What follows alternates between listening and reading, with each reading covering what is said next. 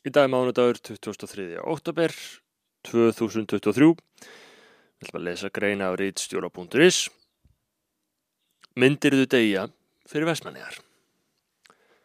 Það er heimskulegt að slá hugmyndina um íslenskan her út af borðinu. Nú geisa stríðum viða veröld og við vesturlandabúar eru mjög uppteknir af átökunum en það höfum við og samstarfsríki okkar viða beina og óbeina hagsmunni af niðurstöðinni. Hugmyndafræðileg og tilfinningarleg samúð okkar með einu með öðrum er af einskjari tilviljun jafnan í algjörum takti við hagsmunni þessara mikilvægu samstarfsríki okkar. Þótt þeir sögulegu atbyrðir hafi orðið að Svíþjóð og Finnland gangi nú í Allandsafsbandalagi þá hefur maður hér í Norður-Evrópu ekki á tilfinningun en þá að verulega líkur sjö á átökum eða innrás á okkar svæði. Líklega er þó vafasamt að verða svo friðsætli hjarta sínu að maður útilóki alveg að til þess geti komið að erlendur her, her ásælist yfirráð eða verðmæti hér um slóðir, jafnvel á því gráa lúsóa Íslandi. Við höfum tilneyingu til að sjá fyrir okkur að sagan endur taki sig. Í fyrri og síðari heimstyrjöld sluppu við ekki bara príðilega, heldur skömmumst við okkur hálfpartin eftir að higgja fyrir að hafa verið stríðskróðamenn, engum í þeirri síðari. Þar voru við svo heppin að vera herrtekin af kurteisum breytum sem unnu svo stríðið. Eftir það, þægileg umskipti yfir í nútíma hagkerfi á 20. stöld. En hvað ef þessi saga endur tekur sér ekki á nýjum tímum og eitthvað hræðilegt gerist? Það væri ekki eins og nýtt. Fyrir 400 árum voru, það, voru um það byrj 34 drefnir í Vestmanneum og 234 neftir í Þrældóm og fluttir til Norður Afríku í Tyrkjaráninu. Þar var ítla veiða Vestmanneyingum og hvar voru Danir þá sem er hefði hætlað að hefðu átt að grípa til varna fyrir Íslendinga. Þeir voru uppteknir í öðrum stríðum í Evrópu. Ef þetta endur tæki sig í einhverju myndi í nútímanum og ef við sjáum fyrir okkur að Ef við sjáum fyrir okkur fjárstaða möguleika eins og til dæmis að kínverjar, kannski búinir að taka við Tævan og skyndilega spendir fyrir eigu í norðri, vildu gera strandtöka á samastáð Tyrkir forðum og ná yfiráðum í Vestmannum. Þeir tækju yfir skólana, yfir útgerðina, þar með yfir hluta fyrir í morgunblæðinu og almennt alla stjórnsíslu í eigunni. Staðurinn hétti ekki lengur Vestmannegar, heldur kínversku nafni. Hvað gerðum við þá? Einfalda svarið er auðvitað að við myndum reyð okkur á stuðning Allandshafsbandalagsins. En Þegar kynverjar væru komnur út á Allandshaf væru alla líkur á að bandalagsþjóður okkar væru einmitt upptegnar í öðrum stríðum eins og fyrir 400 árum. Maður getur því ekki verið viss um að Vestmannegar væru í forgangi. Vondur draumur Evrópþjóða NATO hefur starfandi framkvæmtastjóra en ef hann og bandaríkjaforsetti eru ósamála gengum að rút frá því að bandaríkjaforsetti sé sá sem hafi raunverulega valdið. Þegar Donald Trump komst til valda voru við mynd á að NATO-ríki þurfa sannarlega að lúta duttlungum fórsetans í kvítahúsinu. Trump talaði öðrum nótum um samstarfið en forverðar hans í ennbætti og fór í hart við til dæmis þjóðveri og frakka um hernaðarútgjöld. Um bandalagið, NATO, sagði Trump þetta árið 2019. Ef ég á að segja eins og er, eru það bandaríkin sem græða minnst á þessu varnabandalagi. Við græðum minnst á þessu. Við erum bara að hjálpa Evrópu. Þjóðverða vöknuð upp í vondan draum en það höfðu þeir verið að spara sér skildingin á sviði varnamála og skákaða með henni í skjóli bandarækjana.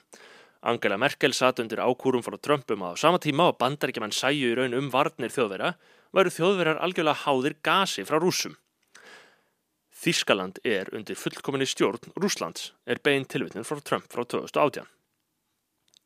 Trump rataðist auðvitað satt á munn þarna, þótt menn hafi ekki virta við hann. Fyrirsögn vísis um framferði ítlvíga óarga dýrsis í kvítahúsuna og umrættum fundi er dæmigerð. Trump setti NATO-fundin úr skorðum. Raunar vöknuðu þjóðverðar þó ekki upp á vonda drömnum þarna, heldur var það ekki fyrir með innrás rúsa inn í Úkrænu í februar 2022 sem menn þurftu að horfast í augu við stöðuna. Ólaf Scholz kanslari held ræðu sem fyrir í sögubækarnar sem Zeitenwende ræðan, vendi punktur á milli tveggja tíma þar sem hann bóðaði stór aukin útgjöld til hernaðarmála strax. Þjóðverið tóku með þessa algjöra, að mati margra löngu tímabæra, uppeyju á sviði varnamála, þóttir í langt í land með að nútímavæða hersinn. Á sama tíma þurftu þeir þó að skrúfa fyrir gasi frá Rúslandi, að hluta vegna eigin áhuga og hluta þrý vegna þrýstingsa auðan og síðan hefur þýst efnahagslíf verið í miklum hremmingum sem eru sífælt að versna. Maður spyr sig, var þýska efnahagsöndrið allt byggt á rúsnesku gasi? Ég hef enga fórsöndu til að fullera en um það, en það hljómar ekki fárónlega sem frasi. Eftir stendur önnur spurning.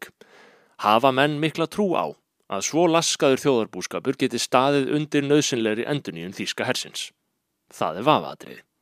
Þessa dagana er Þýskaland uppnefnt veiki maðurinn í Evrópu og því taka þjóðverðar ekki af léttúð.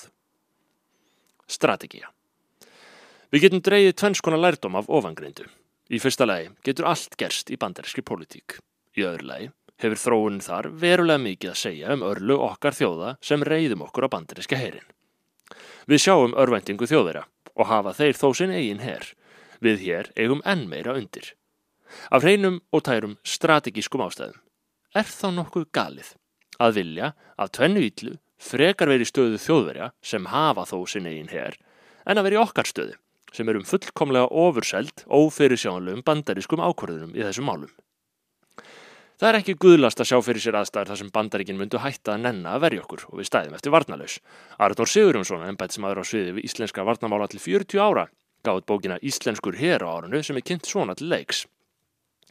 Hvað ef, ef Allandshafsbandalæðið hætti að starfa og varnarsamningi Íslands og bandarækina er sagt upp? Í bókinni leggur Arnór til að Íslendingar axli loksins ábyrð á eigin vörnum og stopni íslenskan um það byrð þúsund manna herr.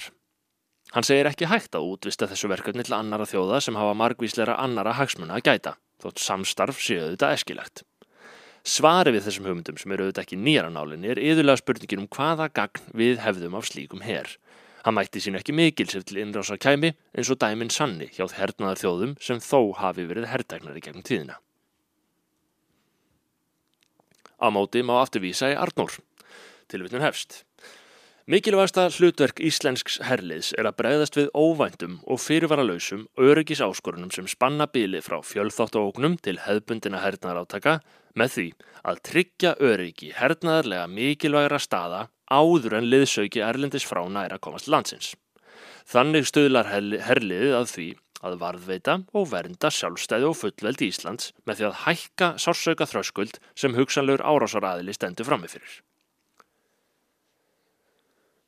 Þetta ljóma smá skynnsamlega, en þrátt fyrir þessi sjónumið hafna langflestir íslenski stjórnmálamenn því alveg að Íslendingar annist sjálfur eigin varnir. Að stopna hér myndi kosta okkur 66 miljard á ári að sögn Ardós og svo tala hjálpar ekki málstæðnum. Stemning Af strategískum ástæðum væri sem sé alls ekki galið að ræða stopnun Íslensk hers. En af stemningsástæðum er þeim mun meiri ástæð til að stopna Íslenskan her. Íslenskir karlmenn á herskildualdri lifa margir nú þegar í varanlegri hernaðar fantasíu í tölvuheimum. Þannig að fyrir þá væri herþjónusta í raun bara spurningum eðlilegt næsta skref. Við getum auðvitað breytt engu lift þessum ungum önnum að ganga endanlega frá dopamínkerfum líkamassins með töluleikjum og klámi og haldið áfram okkar árlega málþing þar sem við komum ávalt að fjöllum og spyrjum hvað er einlega að hjá strákunum okkar? Eða við gætum stopnað sakleisislegan íslenskan her. Þar sem við komum lífsorku þessara manna í hilbreðan farveg. Setjum þá í stránga, líkamlega þjálfun við smá klikkaðar aðstæður út í íslenskri náttúru, kennum þeim raunverulegan aga og sjálfstjórn byggjum upp líkamlega heilsu, sköpum praktíska þekkingu á innviðum landsins á stórum hópi og fáum fram smá samhældni og metnað til að vinna störfi þá samfélagsins. Eftir herskilduna kemur þeir svo feskin heim, reynslunni ríkari og sömur myndi gera herin að æfistarfi. Ég átta mig á að stopnun hers er ekki eina og ekki endilega rétta lausnin fyrir umræðan hóp klámsúklinga, en hann hljómar samt smá eins og hann gæti þjappað hópnum saman fyrir gufuðan málstað. Er það ekki? Raunverulegur hernaður er því vonandi eftir sem áður fantasia, rétt eins og nær það núna í tölvuleikjum. En ef eitthvað gerðist, væri þá ekki alveg eins gott að hafa beislað alla þessa orku í alvöru undirbúning fyrir stríð. Hverfum oft til Vesmanega, til hins ólíklega möguleika að þær verði fyrir árás. Ef kínverjar, eða til dæmis rússar, taka raunverulega yfir eiguna og skemma allt sem okkur er þar kært, myndum við ekki finna til okkar. Myndum við ekki smá deyja fyrir vestmannegar. Hvort sem svarið er nei eða já við þeirri spurningu, hljóta allir að vera sammála um að best færi á að senda á undan sér þúsund gauðra, ferska úr þekkingar miðstöð íslenskar hernaðalistar, musteri líkamleira hreisti, úr höfustöðum íslenska hersins á Reykjaneska.